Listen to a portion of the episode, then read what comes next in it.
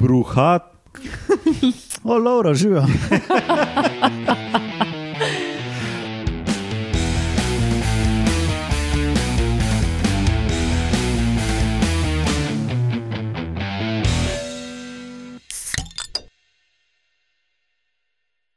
Lepo zdrav, poslušate 203. oddajo Metamorfoza, to je podcast o biologiji organizmov, ki vam jo kot vedno predstavljamo skozi lahkoten pogovor o pivu.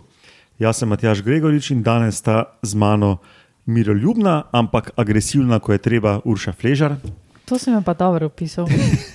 in, in strupeni ostro zob Roman Luštrik. Hello, hello. Uh, ja, in kar na začetku en uh, mali disclaimer, ne, da Lorota in Alenke ni, uh, ker sta sred selitve in podobni razlogi so tudi, um, so tudi razlog, no, da, da uh, je toliko časa minilo od prejšnje oddaje, nekako se nam ni ratalo dobiti vseh pet osebno. Pa očitno se bomo tu in tam mogli tudi v zmanjšani zasedbi dobiti, ker smo v enem takem tranzicijskem obdobju ustvarjalci podcasta. Ja, odrasljanje je težko. Ali pa stvari, ki se ti v odraslosti zgodijo. Ja, ja no, spletno bazno postajo imamo na medijskem mreži Metina Lista, tam so še drugi podcasti. Uh, hotel sem pa reči, Roman, da uh, kaj bo danes na sporedu. Ne? In Umeli bomo eno novo raziskavo o tem, da klopi izkoriščajo statično elektriko za skakanje. Pa to, to je isto, kar sem imela jaz v unih čebelah, pa parazitih zanč. Ti si imel gliste, nima Laura. A nekdo od nas. Aha, okay. Isti princip. ja, uh, sem hotel to povedati za uvod. Okay, um, pa potem, ali ste vedeli, katera je največja žival, ki je kadarkoli obstajala? To smo tudi že enkrat imeli. Mislim, da je bila to metamorfoza ena. Ja. pa uh, kdo to tam poje, boš ti Urša nekaj povedala uh, o zvoku, ki smo ga uh, davno tega predvajali v 202. epizodi. Uh -huh. In potem še vaški posebneži, to so pa danes ene ribe blenice, ki se ali se ne podnašajo s trupom in ostrimi zobmi. Pa bomo več uh, kasneje o tem zvedeli. Uh, ja, drugač pa razne kontaktne in admin zadeve na koncu, preden zagrizemo v to 203. oddajo, povemo še, kdaj to snemamo. Na tanko na današnji dan, leta 1576, se pravi pred natanko 447 leti, se je rodil Gerolamo Cardano, italijanski genij, sem ga jaz pomenoval, ker je, bila, ker je bil spisek tega, kar je bil dolg in bil je zdravnik, matematik, fizik, astronom, biolog, kemik, izumitelj in gambler. Ma to, po mojem, sem takrat te vse kvalifikacije še niso obstajale. Ne, ne, ampak sem potem dejansko bral, kje vse je imel prste zraven in res je imel vse posod. Hmm. Ma to je tako, kot da zbereš življenje pise folka, veš, da noter lihči vse. no, ampak veš, pač matematika, fizika, astronomija, hitro je to ja. povezano, recimo, ne, sploh v tistih časih neki učeni in pametni ljudje so tudi hitro zdravniki bili. Recimo, um, ja, tak naravoslovci. V naravoslovci. Ja. Bil je marsikaj. No. Uh, rad pa je tudi stavil na razne dogodke, da je bil tudi gambler in ga je to precej veselilo. A ga je tudi uh, finančno bremenilo? To pa ne vem, ne. tako uh, globoko se pa nisem zakopal v njegovo življenje. Ja, mislim, da bo, da bo ta spisek njegovih kvalifikacij dovolj za, uh, za to, da luciramo, kdaj snimamo ta podcast. 20 let pred njim se je rodil pa en škot, John Loden McAdam. Uh mhm. -huh. Zdaj, on je znan predvsem po tem, da je rekel: hm, kaj pa če dam grob pesek, pa malo manj grob pesek, pa fin pesek, pa malo potlačem, evo, McAdam. Pol, in pol, malo kasneje je rekel: kaj pa če dodam še klej mal tega, uh, tar, kako se temu reče, tar. Katran. Katrana, evo, pak, asfalt. Uh -huh. Tako da po njem, po McAdamu se imenuje makadamizacija ceste. McAdam. ja. Majke mi. Ja, ja. Dobro vedeti, da, da ni po makadamskih oreščkih. pa še enega imam. 1866 je bil rojen Charles Jules Henry Nicole, Nicole. Sem, malo sem pozabil, iz kje je bil. Ampak on je pokazal, da se tifus prenaša z ušmi kar je bilo zelo pomembno z vidiko, um, higijenskega vidika. Ok, mislim, da je čas, da zagrizemo v to oddajo.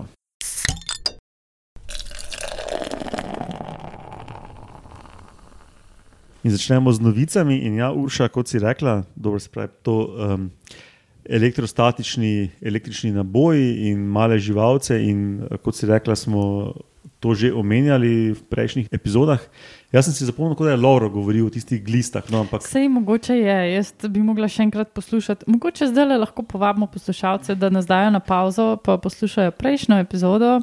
pa ne vem, ali je prejšnja, predprejšnja, no, ampak Ja, govorili smo o glistah, parazitskih, ki so ful pogosti paraziti, spravi ful pogoste gliste, ki parazitirajo na žuželkah. ja. in skačejo, to je bilo že dolgo znano, zdaj so pa nedavno tega odkrili, da tudi jih elektrostatični naboj insektov jim pomaga zadeti, uh, ko skočijo proti žuželki, da jim pomaga to zadeti um, tarčo. Ja, imajo en bota.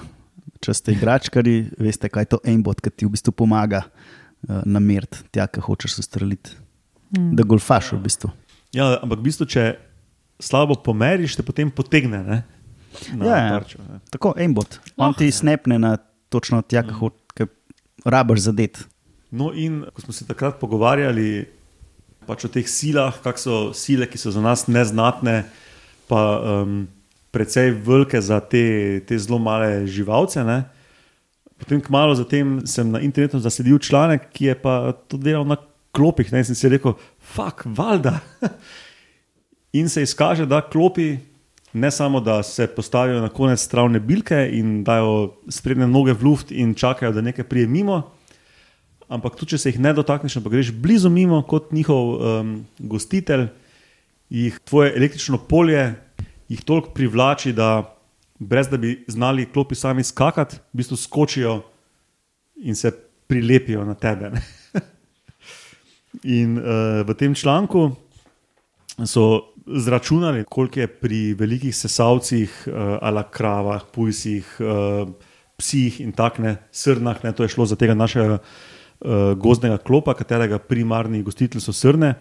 Uh, kakšen je električni potencial uh, teh sesalcev, ne, predvsem pri, pri štrlečih delih telesa, se pravi noge, gobec, grlo, rep.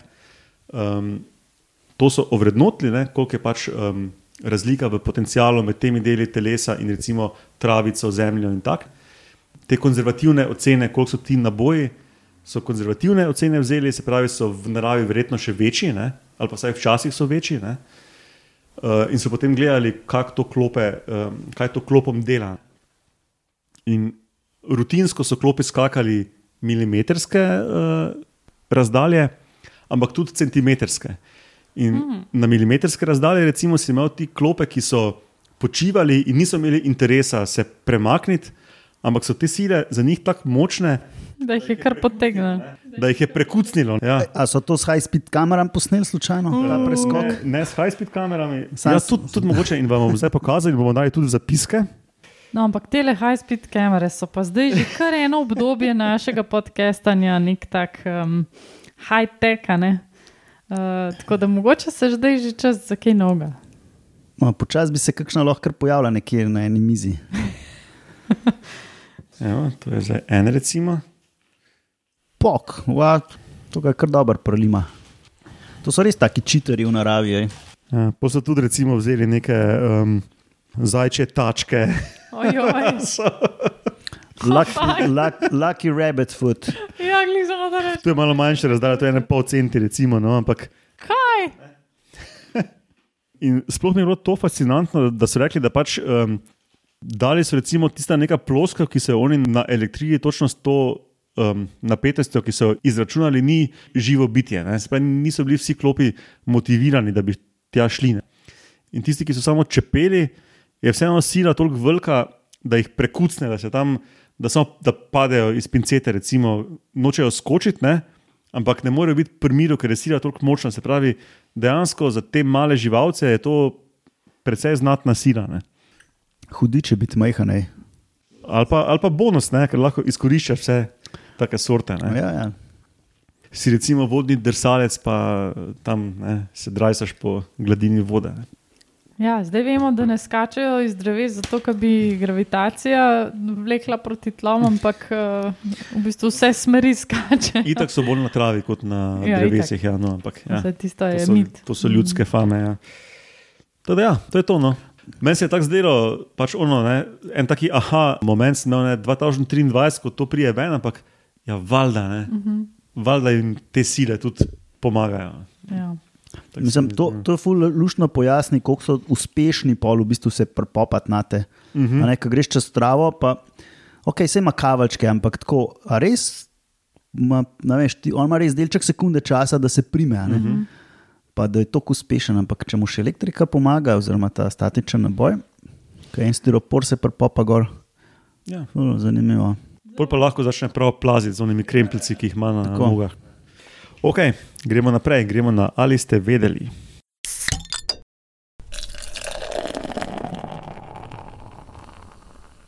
To vam spet jaz zdaj. Lahko malo glas moduliraš, da bojo imeli občutek, da jim se več klele. Pretvarjaj se, da si Lauro. Ni treba se. Spravi, ali ste vedeli, katera je največja žival, ki je kadarkoli obstajala? Čak, čak, čak, uh, a je bila vodna. A nismo o tem kitu že govorili? Ne, pa se to je splošno znano, da bi naj bil sini kit. ne. Saj nisem to mislil kot resno vprašanje. Aha, ok, sorry. da je moje izhodišče, da smo že vsi slišali, da, je to, da bi to naj bil sini kit, eh, ki v ekstremih merijo do 30 metrov, poprečno sicer 21 do 26 metrov, eh, odvisno, kje se populacija nahaja, eh, temperatura morja in podobne fore vplivajo na to, koliko odrastejo. Ampak v ekstremih nekako smo jih zmerili tam do 30 metrov, modelirali pa so, da glede na to, kakšen metabolizem imajo kiti, da je nekako plafon 33, taki čist teoretični. Ne? Se pravi, to, da so 30, se kar dobro ujema s, tem, s temi izračuni. No, samice so teže kot samci ne? in so poprečno tam okoli 120 ton, rekord je 173 ton, potrjen rekord, so pa ocene, da bi lahko tehtali tam do maksimalno 190 do 200, ne? ampak to, ni, to so ocene. Ne? Se pravi, pač o teh tonah se zdaj pogovarjamo kot, kot največja žival, v smislu kot najbolj masivna, se pravi, ne nekaj črvastega, zelo dolgega. Pa da temu rečemo potem največje, ampak tako, da ima največjo maso. Ne? To je pač tisto, kar nekako najbolj šteje. Ne? No, in um, nekako do zdaj so bili ta, ta glavni um, izzivalci sinjega kita, uh, dinozauri iz tiste skupine dolgovratih rastlinojedov, ne, razni titanozauri, argentinozauri, diplodoki, ne vem kaj je tam noter. No, največji med temi je bruhat. O, Laura, živijo. Uh, Bruha. bru, bruhat kajosaurus. Ne, no. Ja, preberi to, gledaj, to besedo. Ni, ni tako simpel prečitati. Ni, ne? No, ja, vidiš. Ma zakaj jim dajo tako ime? No, te ocenjujejo na 110 do 170 ton, ne, se pravi v tem, v tem rangu uh, odraslih samic sinih kitov. Ampak seveda, ne, ko po okostju in sploh imaš samo nekaj kosti, celega okostja, ti potem ekstrapoliraš, ne, so intervali, v katerem se gibajo tvoje ocene, so zelo veliki. Ne. In najbolj liberalne ocene tega bra, uh, bruhat kajosaurusa so celo do 240 ton, ampak to verjetno je. eh, To sem si zapisal, da je treba imeti z ščepcem soli, mogoče z vedrom soli. Eh, No, ampak to so nekako um, izzivalci sinega kita do zdaj bili. Mislim, da zaklerabaš kar svoje soline. Ja, ja no, no, no. Jaz bi rekel, da je še vedno bolj verjetno, da so bili proti onemu spodnjemu. spodnjemu Dobar, ampak še intervalu. vsem kar impresivno, zakopanske. Za Kopenskega pa fucking impresivno. Ja. Mm -hmm. No, ampak letos, par mesecev nazaj, so pa opisali novega, novo vrsto kita iz fosilnih ostankov, ki um, datirajo med 38 in 40 milijonov let nazaj iz območja današnjega Peruja. A, se, a, a, je serejo zavar ali kaj tasga? Če je um bruho zavar, je ta sere. Lepo ime so mu dali, nov rod in nova vrsta, eh, ker je iz, iz območja današnjega Peruja in uh, kiti so cetace, ne? cetos je kit, po kaj, ne vem, Grško. staro grško ali latinsko, ja? Ja. ampak ta je perucetus, perucetus kolosus. Kolosus. Ja. Ej, ali lahko slovensko ime za unga prej?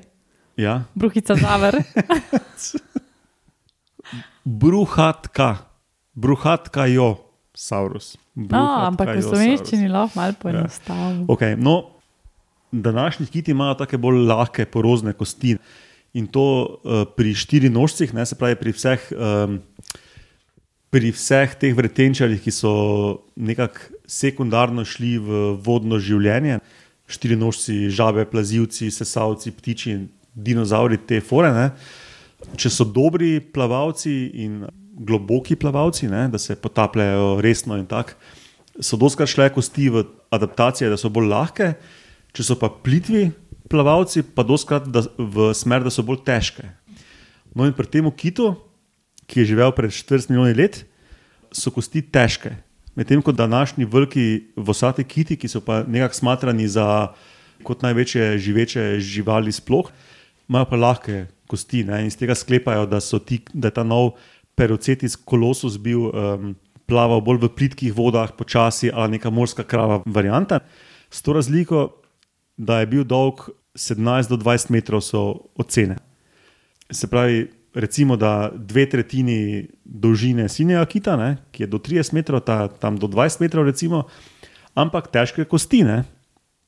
In recimo, vretenca tega kita so dvakrat toliko voluminozna kot pri sinjem kitu, in ocenjujejo, da skelet je pa dva do trikrat težji kot pri sinjem kitu. Uh, skelet sinjega kita, sem si zapisal, ima tam okoli 5 ton, tam nekje do. Ne? Se pravi, ta je imel 10 do 15 ton samo kosti. In zdaj, Fuck. kako oceniti, koliko je bila žival težka, to je zdaj seveda spet ful nezanesljivo. Zelo težko. Seveda nimajo celega skeleta na voljo, ne? zato so te ocene precej. Um, daleč je najbolj konzervativna in najbolj liberalna ocena, ampak poprečno ga ocenjujejo na 180 ton, kar že presega v bistvu rekord sinega kita. Interval se pa giba od 85 ton do 340 ton. Kakšen interval je to? Ja, grozno velik. Ne? No, ampak skratka, eh, v članku ne govorijo, da to je največja kadarkoli živeča žival, ampak da je, da je pač kontender, se pravi, da, da je tam nekje, ne? da je med največjimi, ki je kadarkoli živela. In je interesantno, no, tudi ker je precej zgoden kit bil. Takrat, uh, kot, kot smo do zdaj mislili, takrat še ni bilo teh čist ogromnih kitov, no zdaj pa vemo, da so bili, ne? vsaj nekateri predstavniki, tudi že zelo masivni, pred 40 milijoni let, ko so v bistvu preostali znani kiti, bili še precej manjši ti, ki jih danes poznamo, ki so ogromni, so, je vse stvar zadnjih nekaj milijonov let. Ne. Mm. Veš, v tej točki zdaj lahko spustiš un klip od Cartmana, da ni debel, ampak da ima debele kosti. Ja, ja težke kosti. Ja. Težke, ja. Big mm. bond. Mm. Vse ne veš, lahko pa da so bili pa še ful mišičasti, pa še ful špehnati. Čeprav, če so bili v plitvih vodah, mogoče niso ravno. Ja, bil bolj špeh, verjetno, kot mišice. Mogoče pa, če, če rabiš uh, biti uh, izoliran, dobro, ne, da se ne zmrzneš, ja. pa moš pol težke kosti imeti, da te dol drži, da se lahko potopiš. Mm. Sem, sem mislim, da je v tem fora, ja, ker so počasni plavalci, da potem na ta način regulirajo plovnost, ne, da, da za to težke kosti. Skratka, mm. ja, no, interesantno. Perocetis kolosus. Slovenija pa taki malo delfinast gobček, pa tako malo po telesu, po rekonstrukcijah, ko sem gledal, tako malo kot ena morska krava zgleda. No. Tako tak hecno kitno. Ja, kaj še se bojo najdel v teh fosilih? Ja, ja to je to in mislim, da je čas za kdo to tam poje.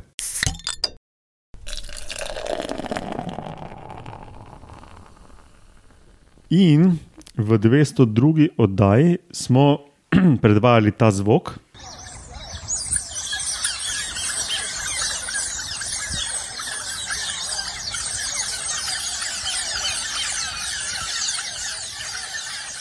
No, in medtem ko Roman, Lauro in Alenka niso vedeli, kam pes ta comoli, je Urša hitro striangulirala, da so to vidre. Čeprav ni vedela točno, zakaj gre, in zdaj boš Urša povedala točno, zakaj gre. Ja, te vidre so očitno nek moj spirit animal, ki sem jih že tokrat razlagala, take in drugačne. Ne? Da so, bi, so mi bile očitno namenjene. Tokrat te vidre niso glih tako zelo vsakdanje, uh, spet smo nekje v eksotiki. Uh, gre za neke tiste vrste velikih vider, uh, zrastejo skoraj 2 metra, doma so pa po bolj teh azijskih koncih, no, od Indije do te uh, neke srednje vzhodne Azije. No. Dotični zvoki pa prihajajo iz enih zanimivih uh, vider, ki so si jih dom našli v Singapurju, se pravi urbane vidre. Ta družina vidar je zelo znana in poznana, jih tudi snemajo za marsikatere zadeve. In um, jih šteje, pa je okrog deset živali. No? Vse to je neka taka klasična velikost skupine teh družin vidar. So pa seveda pač tam tudi eh, še druge družine videli v Singapurju. Ocenjujejo, da ne bi bilo vse skupaj 50 živali tam in včasih se pač te družine srečajo. In včasih se te družine ne srečajo glih miroljubno. In te zvoki, ki smo jih slišali, so v bistvu iz trenutka, ko se dve družini nekako soočita in gresta pač druga drugi v napad. Če ste gledali kdaj um, tele Game of Thrones, ne, uh, pa ta Battle of Winterfell ali pa kaj tasga, no si lahko predstavljate, kako to zgleda. Kot tisti neki jezdeci v snegu, oziroma v tem primeru v vodi, drug proti drugim. Mene je pa na film Gangs of New York spomnilo, ko pač tam se dve tolpi glasnih srboritežov pač sred ulice srečata. No. se prvo malo derejo, preden se mogoče spopadajo, mogoče pa ne. Pick your reference. Uh, Uh, Klej pride do spopada, pol. jaz sem bila kar presenečena. Ker načeloma od teh živali smo navajeni, da se bojo pač izognili temu nekemu direktnemu soočenju, napadu, agresiji, če, če se lahko drugače zmenijo. Ampak te so pa kar res, kar glisarčki mali drug proti drugim in so se pol po vodi preganjali, grizali in dobro, se na koncu šli pa vsak na svojo stran. No. Ja, so pa pač to vidre kot vidre, ne? še vedno spadajo pod kune, še vedno so plenilci, za razliko od notri, uh, čeprav so tudi urbane. Ampak um, so vajeni tega singapurskega high life, pa jaz si prvoščo za več deset tisoč evrov teh okrasnih koj rib uh, za malco ali večerjo. Uh, očitno so pač zelo uh, sprejeti strani lokalnega prebivalstva. Ne? Imáš tudi nek ta otter watch, kot imamo mi včasih za tiste labode, ki že. Skratka, ljudje jih skozi spremljajo, no? jih imajo kot nek svoj simbol mesta in očitno tem vidram se prav dobro godine.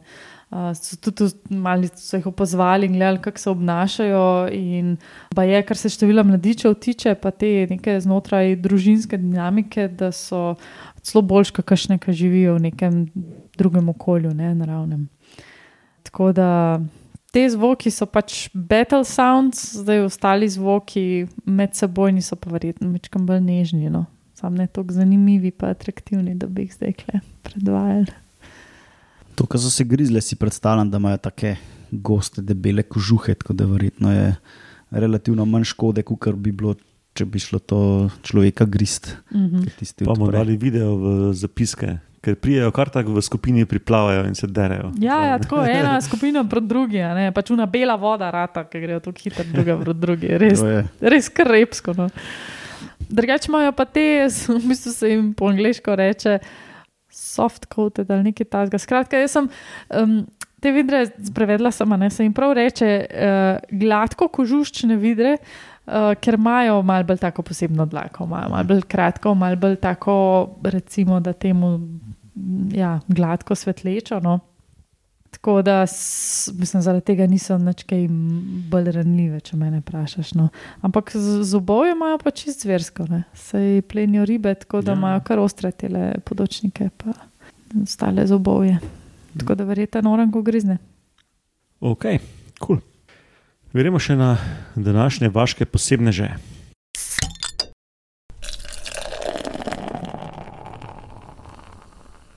Ja, Matjaš je omenil te ribice bleni, iz družine Blenide. In uh, nekje sem najdel, da, da so to, aj nekje na Wikipediji, vem, kje, da so to družina smrkavic. To so ribit, morske ribice, če se radi z masko v obali potapljate, ste jih skoraj zihar že videli, tako malo podolgovate, po, na, na dnu ponovadi so. Imajo tako črto čez cel trup. Uh, so, ful, ful so različne. Mm.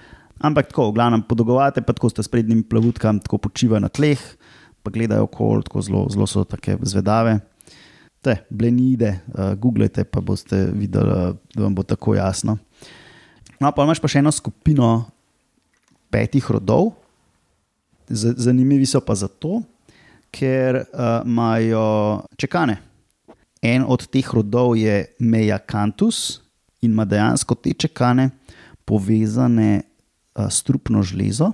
In ko ugriznajo, dejansko je pač strup se prenese. Spravi, kot ena kača, samo da je riba. Kakača sam da je drugače. In to je neka mala ribica, ki jo vsi gledamo po morju. kaj? Ja, ja. No, ampak zdaj se pa zgodba zamasti, a ne, da plot thickens. In sem, ne, sem rekel, da je pet rodov, eno je, eno je eno, en rod je strupen, uh, ostali pa ne. In od tega sta dva rodova, ki oponašata po barvah unga ta strupenga. In zgledata kot strupena, plavata kot strupena, ampak ni, nista, niso strupeni. Nimate pa čekana, skozi katerega obrizgate strup, Tako. ko griznete. Pa obstajajo tudi druge, ne, sor, ne nujno neposredno sorodne vrste, ki tudi oponašajo. Ne, to, vse to poznamo, prne, čebele, recimo, ali pa ose. Ose so tako zelo oponašajo. Ose veliko vrst oponaša. Um, mm -hmm. Recimo, Muhe. muhe so zelo znane po tem, da oponašajo en kup teh strupenih živali. Osasti pajek, ne se zares, da daš črno pa rumeno barvo skup, Ja, to je pomeni, da ja. pač nekaj bo slabo se za nekoga klej. Um, v tem članku, ki sem ga bral, so pokazali, da so se najprej razvili čekani Pa pa šele riba. in šele. in pol, samo pri tem urodu še strup se je povezal. Za razliko od kač, kjer se je najprej je bila žleza, pa se je pol šele. Aha. um, šele pol ta zob za dostavo. In glede na poskuse, kaže, da te čekane uporabljajo verjetno samo za obrambo, uh, zato da jih večje ribe, ko jih večje ribe požrejo, jih ugriznajo in jih pol še ribe izplunejo. In pol so delali pač take. Jaz sem se sprašval, tako, a je re- je res to tako pomembno vprašanje, da moraš enkrat ribam porezati te čekane, pa jih pofutrati večjim ribam, pa gledati, da jih izplunajo ali ne. No, izkaže se, da jih ne izplunajo, če jim porežejo čekane, a ne, kar pomeni, da s tem ugrizom verjetno nekaj dosežejo. a Ne. Ko so že pojedene. Ne? Tako, tako, seveda. In ni, recimo, a ne, druge vrste rib imajo pa recimo v plavutih kakšne budice, ki verjetno služijo podobni vlogi, ne, da so malo težje prebavljive, da, da špiknajo. Drugače pa obstaja še ena riba, ki ima strupen ugriz, je neka jagulja iz rodu Monognatus, enočeljustnica, ne, enočeljustnice. Pa malo so se tudi poglobili v ta strup, ki ga proizvajajo. In so pokazali, da je tako, nekako ima nekatere sestavine, ki jih imajo strupi kač, pa škorpionov. Pač to so preučevali, to pač imaš neke metode, ki ti pokažejo pol neke te. Se pravi, da so verjetno delujejo proti vretenčarjem. Ne? Proti, Ja, ja, Ker mislim, da dost kač in škorpionov se je strup primarno razvil kot obramba pred vretenčarskimi plenilci. ja. No, vidiš, narejeni so zato, da nas Ne, ugriznejo. pač, in- kdorkoli jih je. Ne? Vretenčar, Ampak ki jih je, sej mi smo vretenčarji. Pač, ne? ja. Pa zares smo mi ribe, mi smo plavutarice. Tudi mi smo ribe. Um, no, in, in zakaj je to pomembno, da recimo ta riba zgleda tako, kot tu na ta stropena? Ne? Zato, ker je ne pojejo ne? in to ji, da, ali to ji omogoča, da se lahko, da lahko prosto plava in pleni luske drugih rib, ki se tako prehranjujejo, da v bistvu trga What? luske z drugih rib. To je zelo pogost, mislim, to je relativno pogost mehanizem, kako se ribe prehranjujejo, tako neko predatorstvo, kako bi rekel. Imáš tudi ribe, ki se delajo, da so čistilci. Veš, kaj imaš v morju, imaš te Ja. ribe čistilce.